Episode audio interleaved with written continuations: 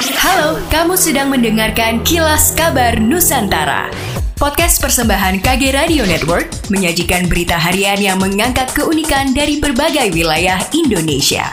Kilas Kabar Nusantara dapat juga didukung oleh pengiklan loh.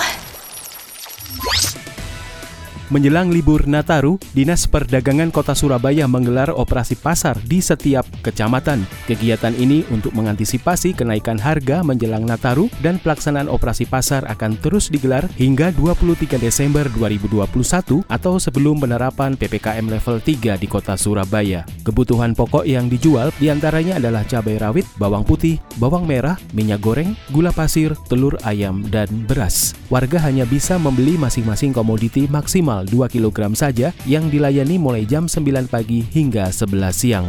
Kilas kabar selanjutnya adalah tentang erupsi Gunung Semeru. Berdasar informasi dari BPBD, hingga Minggu 5 Desember kemarin diketahui ada 13 orang yang dilaporkan meninggal dunia akibat peristiwa ini. Teridentifikasi dua orang berasal dari Curah Kobokan dan Kubuan, Kecamatan Pronojiwo, Kabupaten Lumajang, Provinsi Jawa Timur. Dan saat ini Gunung Semeru berada pada status level 2 atau waspada. Apa iya definisi perempuan cantik itu hanya dari fisiknya semata? Yuk simak pengalaman para perempuan dalam pertama kali berhijab, penyitas perundungan, hingga pejuang jerawat hanya di podcast Semua Bisa Cantik. Persembahan Stylo Indonesia dan KG Media. Menanggapi banyaknya daerah yang terendam banjir, Pemprov Kalsel mengkaji kemungkinan naiknya status penanganan bencana menjadi tanggap darurat, di mana saat ini status penanganan bencana di Kalsel masih siaga darurat. Sekda Prof Kalsel Roy Rizali Anwar menjelaskan memang saat ini pemerintah Kabupaten Hulu Sungai Tengah telah menetapkan status tanggap darurat bencana alam banjir.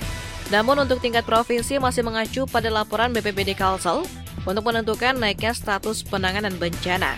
Terlepas dari status tersebut, Pemprov Kalsel telah mengerahkan bantuan untuk menangani korban banjir di daerah yang terdampak. Ia mengaku akan mengevaluasi kinerja tim BPBD dan Dinas Sosial yang berada di lapangan demi meningkatkan pelayanan kepada korban banjir. Demikianlah kilas kabar Nusantara pagi ini.